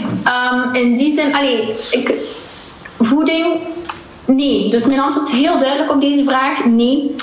Um, voeding is een klein stukje van een puzzel van ongeveer 100 stukjes. En als het aankomt op, en dat is ook maar iets dat ik zelf, ik, zo concreet heb bijgeleerd het afgelopen jaar, denk ik. Um, ik wist wel dat voeding een factor was, maar er zijn gewoon zoveel factoren die aan de basis liggen van um, iemand zijn gewicht. En uh, ik zou eventjes moeten opzoeken hoe dat, uh, die puzzel, die puzzel bestaat effectief. Het is niet dat, ik gebruik er geen uit de lucht gegrepen metafoor, uh, maar dat is effectief onderzocht en je kunt daar ook echt op zien van welke factoren dat er allemaal een rol spelen. En voeding speelt een rol, hè? begrijp mij niet verkeerd, maar het is echt ook maar een rolletje. Het is maar een bijrol. En heel veel andere zaken zijn, um, en ik weet dat dat moeilijk te vatten is voor mensen, maar zijn zaken uiteraard zoals slapen. Zaken zoals stress, uh, maar ook zaken zoals huisvesting, zoals diploma, um, zoals um, ja, financiële zekerheid. Zo. En dat is iets dat um, dat ik echt het voorbije jaar mij ja, 100% heb eh, op toegelegd. In die zin van, ik ben zelf een beetje um, mijn interesse ook kwijt. Dus aanhalingstekens voor echt zo het, dit nutriëntje ja. zorgt hiervoor en dan vertellen ze er natuurlijk niet bij in een labo, in petrischaaltjes op rattencellen, want dat is altijd wel het, de achterkant van de verhaal. Um, maar ik ben mij veel meer gaan toeleggen op de nog complexere en vooral nog ruimere relaties tussen um, welke factoren zorgen er nu voor iemands gezondheid en voor iemands gewicht ook, wat een deeltje daarvan is. Maar um, voeding is ook maar een deeltje. En beweging ook, hè, begrijp me niet verkeerd. Ik, ik, stel beweging stel ik, ik nee, zeker nee. niet onder voeding, hè, zeker niet. Um, maar ik uh, ben de eerste eigenlijk om het effect van voeding te minimaliseren. Um, het, waarom waarom besteed ik er dan toch zoveel aandacht aan? En waarom vind ik ook belangrijk om er veel aandacht aan te besteden? Omdat het wel een deeltje van die puzzel is die wij wel makkelijk in handen kunnen, dat we wel makkelijk in handen kunnen nemen. Um, en uh, dat geeft een fijn gevoel mentaal, dat je toch dat je wat controle neemt wel over je levensstijl. Ehm, en het is ook effectief wel, we kunnen effectief wel zaken doen om onszelf gezonder te maken. Ehm, dat sowieso.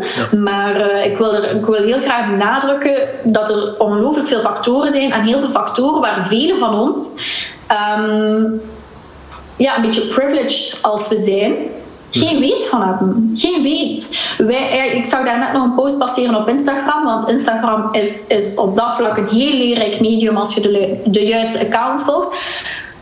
Van, er zijn effectief gezinnen, ook bij ons hier in Vlaanderen, ook in uw eigen stad, die echt struggelen om rond te komen. En ik had onlangs nog een gesprekje met iemand um, die zo'n beetje neerbuigend deed over, ja, um, ja, het ging echt over, men, over gezinnen met heel weinig geld. Gezinnen die echt in armoede leven en die dan toch geen, toch geen verse groenten of vers fruit kopen. Dat is toch niet duur, vers groenten en vers fruit. En dan denk ik, ja, maar als ik maar 1 euro had om uit te geven, wat dat effectief voor sommige mensen zo is, dan zou ik ook kiezen voor die pot voorgemaakte ravioli uit een Aldi en niet voor dat pak appelen. Want uw kind en jij gaat veel meer gegeten hebben met die pot voorgemaakte ravioli. Met een appel, excuseer, daar heb je gewoon niet mee gegeten.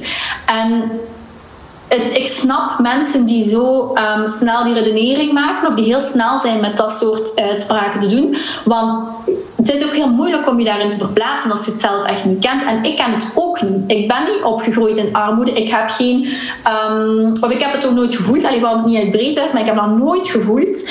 En ook nu hebben wij geen financiële problemen. Maar ik, um, ik ga wel echt op zoek naar, uh, naar wel informatie en verhalen vanuit die sector ook, omdat ik zelf echt door de wetenschap, door de studies heb gezien hoe groot dat de impact van dat soort factoren is op onze gezondheid. Um, dus ik denk dat, um, ja, ik, ik, ik ben daar niet heel vocal over, omdat, um, ja, omdat daar precies nog niet echt uh, hoe heet het, draagkracht voor is. Sorry dat ik zo'n mottig woord gebruik als draagkracht. Maar um, dit is wel iets dat, ik, dat in mijn achterhoofd zit. En ik, ik heb ook nog niet het gevoel, nu komen we een beetje terug, ja, dus rond. Ja. Ik heb ook niet het gevoel dat ik er genoeg over weet om al heel vocal erover te worden. Um, dus ik wil mij zeker nog wel verder daarin verdiepen. Maar daar ligt momenteel wel echt mijn interesse. Um, net zoals ook mijn interesse nu heel erg ligt op, uh, op health at every size. Dus dus het wegstappen echt van de BMI, wat voor een wetenschapper als ik echt niet makkelijk was. Echt niet makkelijk was. Ik heb, ik heb echt nog een artikel geschreven om net te hameren op de BMI, maar dan nu echt, ik cringe gewoon bij de gedachten alleen al. Um, maar dat zijn nu eigenlijk mijn uh, persoonlijke interesses en mijn persoonlijke zoektochten, um, alleen mijn professionele zoektochten, sorry, ja. uh, die ik momenteel aan het ja, doorspitten ben. Ja. ja. Oké, super ja.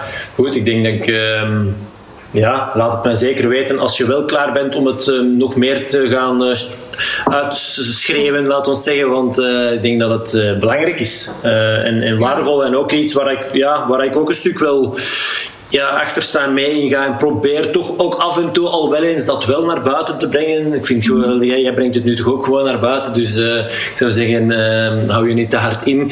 Uh, um, maar het is belangrijk, hè. er zijn zoveel factoren die, ja, zoals je genen, je opvoeding, ja, daar heb je totaal geen, geen, geen vat op, maar heeft nee. wel een heel grote impact op, op ja. ja. Gigantisch, ja. Niet alleen op je gewicht, maar gewoon op, op, op je levenskwaliteit. Hè. Ja, ja bedoel. absoluut. Kijk, voilà, dat zijn dan ook weer twee stukjes van die honderd, honderddelige puzzel. Um, en ja, dat wordt, dat wordt schromelijk onderschat. Hm. Maar echt immens. En um, daar heb, ik, daar heb ik wel wat moeite mee. Ja. En zeker ook um, door dus de voedingsgoeroe. Mm -hmm. Want um, ja, de, de, de levensstijlen of diëten, laten we het gewoon even hardcore noemen, ja. een kat en kat. Ja, ja. Um, de diëten die gepromoot worden zijn vaak ook best duur. Allee, sorry, maar al dat koolhydra koolhydraatvrije gedoe, mm. ja, dat is heel veel vis, dat is heel veel vlees. Dat is gewoon super duur om op die manier uh, te gaan eten. Terwijl dat ja, ik heb het een tijdje, dus een van de vele fases waar ik ben doorgegaan, is echt het koolhydraatarme, um, dus ja, geen pasta, geen aardappelen, geen brood, heel de bazaar. Dat was echt super duur. Ik had allee, bijna dagelijks iets van vis uh, op dat moment, wat eigenlijk ook al helemaal niet gezond is trouwens. Um, ja, je krijgt veel te veel zware metalen binnen uh, als je dat doet. Maar ja, veel van die mensen hebben gewoon geen, uh, en van die mensen bedoel ik van de, de, de voedingsgoeroe, tussen aanhalingstekens, die zo'n levensstijl promoot, hebben ook geen idee van de werkelijkheid, van de realiteit, van, van mensen die een beperkter budget hebben. En dat wil ik dus heel graag duidelijk maken met Carola's Kitchen. En zo het in mijn recepten trouwens allemaal opgebouwd.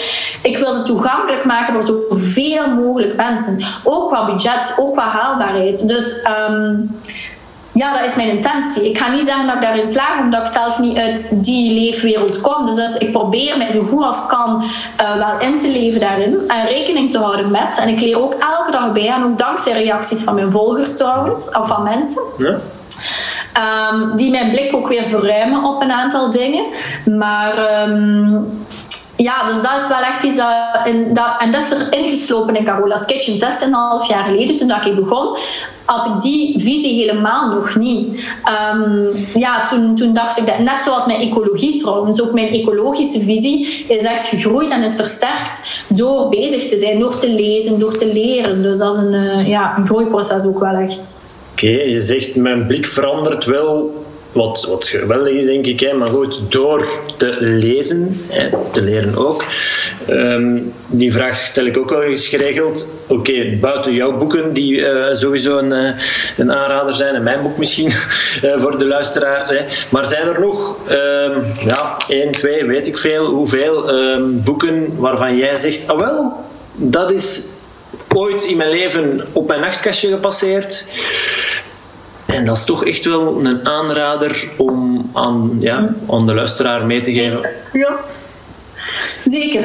Um, ik heb er twee dan. Um, die, waarvan één is uh, Wat moet ik nu geloven, dokter? van Hendrik Camus. Um, dat is een boek dat. Allee, dat is zeker voor de, de niet-professioneel is dat super interessant. En met niet-professioneel bedoel ik niet.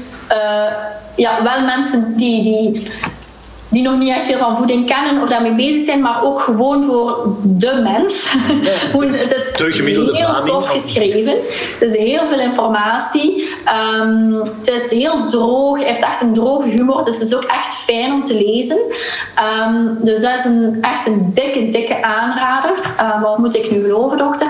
En dan um, het boek waar dat mij echt wel ja, een beetje de grond van onder mijn voeten heeft weggetrokken een tijdje geleden, is uh, de No Need to Diet boek um, van Pixie Turner. Is een Engelstalig boek weliswaar, maar zij heeft mijn blik op uh, de relatie tussen voeding en gezondheid, maar tussen al die andere factoren en gezondheid, heeft zij enorm verruimd. Um, ik wil heel eerlijk zeggen dat ik dat boek aan het lezen was um, en dat regelmatig het schaamrood op mijn wangen kwam, omdat ik dacht, hoe is het mogelijk dat ik al zo lang bezig ben met dit thema en nog nooit mijn blik hierop gericht heb. Um, ja, ik vind het een must read voor elke professional sowieso. Sowieso. Ja. ja. Ja, soms is het confronterend, maar ook weer al, denk ik, leerrijk en verruimend hè, om te beseffen van, ja, allez, ja, dat wist ik nog niet. En ja ja, je, bent nooit te oud om bij te leren, zou ik stellen, hè, of durven stellen. Um, wat ik denk ook nog wel, je zegt daarnet inderdaad, er zijn zoveel factoren die, die maken dat je overgewicht hebt of dat je ja, dat je, je goed voelt, dat je ja, met energie door het leven kan. Kunnen we dan ook wel gewoon, denk ik, het er, ik vind dat toch in ieder geval het, het vetshaming en het vingerwijzen naar de dikke mens, tussen aanstekens, dat we daar ook gewoon dringend mee moeten stoppen. Want, ja, en, um, ik vind het, um, ook daar heb ik dus veel over bijgeleerd. Dat, dat, ook dat komt trouwens heel erg aan bod in dat boek, in dat laatste boek, de No Need to Die boek.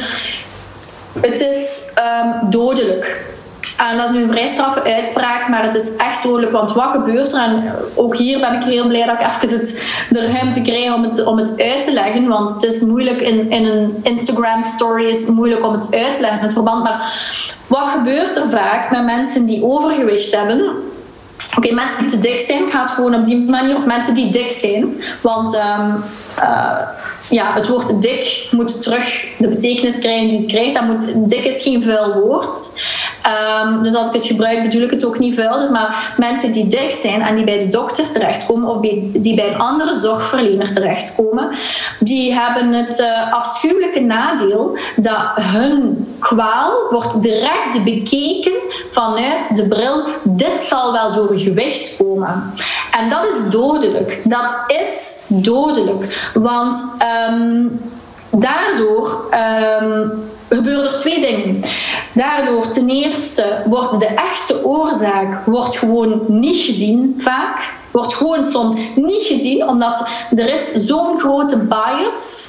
Ja, er is zo'n grote bias bij de zorgverlener en dat is echt onderzocht. Hè. Het gaat hier om hardcore wetenschappelijke bewijzen. Hè. Uh, maar daardoor krijgt de uh, patiënt niet de behandeling die hij eigenlijk hoort te krijgen, omdat hij gewoon met een, een kluitje in driet gestuurd wordt naar huis. Kom nog een keer terug als je zoveel kilo vermagerd bent. Dat is het eerste. En het tweede wat dat er gebeurt is dat um, de patiënt niet meer terugkomt naar de dokter. Dat de patiënt eigenlijk een angst krijgt voor de zorg, een angst krijgt voor naar de dokter te gaan, want die krijgt toch altijd hetzelfde te horen. En op die manier kunnen er zaken zich ontwikkelen, zoals bijvoorbeeld een kanker, zaken waar dan snel moet bij zijn, zaken die die patiënt niet laat opvolgen, omdat hij zoiets heeft, ik ga dit toch opnieuw te horen krijgen. En dat is zo verschrikkelijk destructief. Um, het is, een, het is zo'n groot probleem. Ik kan zelfs niet uitleggen hoe groot het probleem is. Want het probleem, dat, die, dat vasthangen aan die BMI, dat zit er hard in. En dat snap ik ook, want zo worden wij opgeleid. Ook ik, hè, uiteraard. Zo word je opgeleid. Dus, dus dat is heel moeilijk om, om dat te gaan uh, herbedraden in je hoofd. Maar um, ja het is zo'n groot probleem dat zo sluimert. En ik denk dat het een vorm is van discriminatie. Discriminatie in de zin van die mensen krijgen een minder goede zorg. Ze krijgen niet de zorg die ze verdienen, die heel weinig belicht wordt. Andere types van discriminatie um, mogen natuurlijk absoluut heel veel aandacht krijgen, begrijp me niet verkeerd. Maar die krijgen meer aandacht dan dit soort van uh, fatshaming, inderdaad. Van dit weight stigma. Dus het, uh, ja, we hebben daar niet echt een goede Nederlandse vertaling voor, maar um, dat krijgt zo weinig aandacht en dat wordt zo weggewuifd. Ik vind, ik vind dat super eng om daar de studies van onder ogen te krijgen. En, en, dus dat is een van de voorbeelden van de dingen die ik, um, dat ik met schaamrood op mijn wangen zat te lezen in dat boek van de No Need to Die boek. En ik ben me dan ook verder gaan verdiepen en ik blijf mij daarin verdiepen omdat het echt, een, omdat het echt een put is waarvan ik denk, hoe is het mogelijk dat ik het nooit gezien heb, nooit gehoord heb in mijn opleiding, nooit niets of nul nada. En dat dit zo, dat is gelijk een, ja, een gigantische roze olifant die daar staat en, en, je ontdekt die pas zoveel later. Dat is echt absurd, ja. Ja. Ja, zo ogen die open gaan. Dit is eigenlijk echt gewoon maatschappelijk erg en, en, en heel relevant om dat gewoon echt aan te kaarten en om dat wel.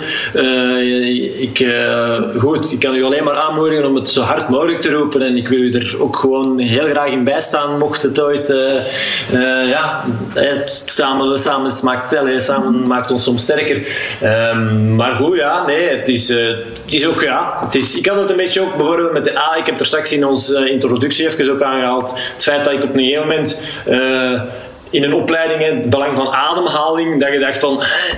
Allee, dat ik, dan, ja, ik vind het mooi dat je dat zegt, die roze olifant. Heb ik daar nu nog nooit over nagedacht? Je staat gewoon, je kunt er niet rond, rondom en toch heb ik er nog nooit. Allee, dat, is, dat is eigenlijk dat we. Maar dat is ook, ja, denk misschien wel leuk dat we ja, als mensen kunnen blijven bijleren, en evolueren en, en ja, hopelijk met z'n allen van deze planeet een mooier, mooier plekje voor zoveel mogelijk mensen kunnen maken. En dat is, uh, een mooi streven, denk ik.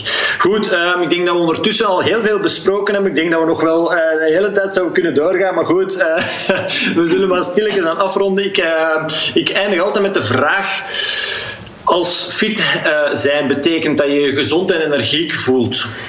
Op dit moment Caroline, of Caro, zag ik ook op, de, op je blog dat mensen je noemen. Uh, hoe gezond en energiek voelde jij je op dit moment? Moet ik dat mijn getal uitdrukken? Ja, tussen 1 en 100 vraag ik mij. Ja, sorry, dat is meestal inderdaad tussen 1 en 100 uh, op een schaal oh. daartussen. Dat is een heel ruime schaal, maar ik denk dat ik ergens op de 6 à 7 hang. Um, omdat bij mij het allerbelangrijkste um, punt, wat dan, wat dan heel impactvol is en wat dat, uh, echt niet optimaal is, is mijn slaap. Um, dus dat komt natuurlijk door het gigantische slaaptekort dat ik heb opgebouwd door mijn kleine baby uh, te zitten. En de slaap is nog steeds, hij is al veel verbeterd, begrijp me niet verkeerd. Mijn kind slaapt meestal door, wordt wel altijd absurd vroeg wakker, maar dat slaaptekort haalde niet zomaar in. En ook um, door corona um, is het ook niet zo evident om hem een keer ergens anders uh, te laten logeren. Um, dus dat is heel impactvol. En ja, dat is ook impactvol op je energielevel, op je vorm van gezondheid. Ik merk dat ook zelfs aan mijn huid en zo, een aantal zaken. Ook aan mijn immuunsysteem. Dus dat ik toch maar snel... Ja, natuurlijk, mijn baby in huis die na de onthaalde gaat, wordt al sneller ziek. Ja. Um, dus dat is een beetje moeilijk. Maar dat is nu het belangrijkste punt voor mij. Um, samen met beweging. Dus ik probeer nu... was echt mijn voornemen voor het nieuwe jaar... Um, van dus één keer in de week tijd te maken voor yoga en één keer in de week om te lopen als minimum. Um, en dat zou ik graag ook terug opbouwen. Dus slaap en dat bewegen uh, wil ik heel graag um, terug wat optimaliseren in de mate van het mogelijke. Um, ja, dus die hebben wel een, een, grote impact. Dus vandaar dat ik ergens tussen de 6 en de 7 hang. verder voel ik, mij, voel ik mij eigenlijk super goed. Maar slaap is toch zo kostbaar. Allee, oh. ja, ja, dus ja. Slaap is medicijn. Slaap, ja, slaap is geen medicijn, maar slapen is, is immens impactvol op je gezondheid. Het is ook een van die puzzelstukjes waar we het daar net over hadden. Hè. En, um, ja, eh, ik ben wel heel blij dat het thema slaap trouwens echt wel veel aandacht krijgt de laatste tijd. Um, want het is inderdaad heel belangrijk. Dus van zodra ik, eh, in de mate van het mogelijke, um, doe ik ook wel dingen om het te bevorderen en op tijd gaan slapen en slaaphygiëne en al van die dingen. Ja. Uh, dus we zijn, we zijn erop aan het werken. Nu moet iets daar nog een beetje meewerken en dan, dan komt het goed. Ja, ja oké, stapje per stapje. En dutjes is misschien, uh, als hij een dutje doet, jij ook een dutje doen. Dat is zo... Ik hou niet van dutjes. Nee? nee, ik functioneer niet met dutjes. Ah, echt ja, niet. Nee. Ja, dat is, dat is zo persoonlijk. Hè? Want Ja, veel mensen hebben mij al gezegd, maar ik kan, ik kan niet dutsen omdat mijn brein is nogal actief. Mhm. En ik kan, als ik nu in mijn bed zou gaan liggen bijvoorbeeld, dan zou ik gewoon alleen maar werken in mijn hoofd, snapte? Ja. Ehm, dus ik... eh, maar het is... Het is savas. We zitten niet meer in de Nee, fase dat, ja, dat je drie keer per nacht moet opstaan. En, en dat je, of drie keer, ja, of vijf keer per nacht moet opstaan. Die fase is gelukkig wel al voorbij. Dus eh, ik heb er vertrouwen in dat, eh, ja. Dat Ja, ja. stabiliseren een beetje. The only way is up. ja, gewoon een beetje stapje per stapje per stapje Ja, kleine voilà, beetjes dus, eh. zetten. eh, nee, nee. Goed, alright. Nee, oké. ehm, ja, het was interessant. Het was leuk, denk ik. Eh, Ik denk dat ook de luisteraar er ongetwijfeld ja, heel veel uit gehaald heeft. En, ehm, dus ehm, ja, jouw boeken, waar vinden ze ze? En jouw, ja, jouw, jouw blog op het internet uiteraard. Domme vraag, Helen, maar goed.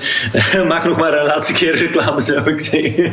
Ja, wel, eh, zeker een domme vraag, want het is fijn dat ik nog een keer mag vermelden. Ehm, mijn blog is dus www.carolaskitchen.be. Ehm, en Carola schrijft net als Caroline met een K. En mijn boeken vind je quasi in alle mogelijke boekhandels en ook op Bol, in standaard boekhandel. Dus eigenlijk heel makkelijk en heel toegankelijk te vinden. En mijn eerste boek heet Gewoon Gezond. En mijn tweede boek heet eh, Carola's Kitchen. Ehm, het zijn geen gewone kookboeken, dat wil ik misschien nog net even meegeven. Want mensen, omdat ik veel recepten deel, denken mensen soms dat het helemaal kookboeken zijn. Maar het zijn wel degelijk boeken die ehm, heel veel voedingsinformatie bevatten ehm, en recept. Oké, top. Dank u. Aanschaffen die handel zou ik zeggen. Of niet, maar goed. eh, ik denk, Ja, ook eh, goed, ook goed, goed. allemaal. het is daarmee. Nee, alright. eh, Caroline, ja, het was echt interessant. Bedankt voor, uw, voor uw tijd, zou ik zeggen. En, Bedankt ja, voor de uitnodiging. ja ehm, tot een volgende. Oké. Ziezo, ongetwijfeld heb ook jij weer al heel wat opgestoken door dit interview te beluisteren. Zoals ik al zei in de intro, ik mag een exemplaar van Caroline haar boeken wegschenken onder de luisteraars van deze Goed in je Vel podcast. Wil jij deze boeken winnen? Laat dan even je gegevens achter op wordfit.be schuine streep Carola's Kitchen met een K en alles aan elkaar. Carolas en dan in het Engels Kitchen. Daarnaast krijg je ook de kans om mijn boek Fit zonder fitness gratis in je brievenbus te ontvangen. Ik schenk dit namelijk weg aan de mensen die zich inschrijven voor wat ik de basics noem. De basics zijn dingen waarmee ik elk coachingstraject start.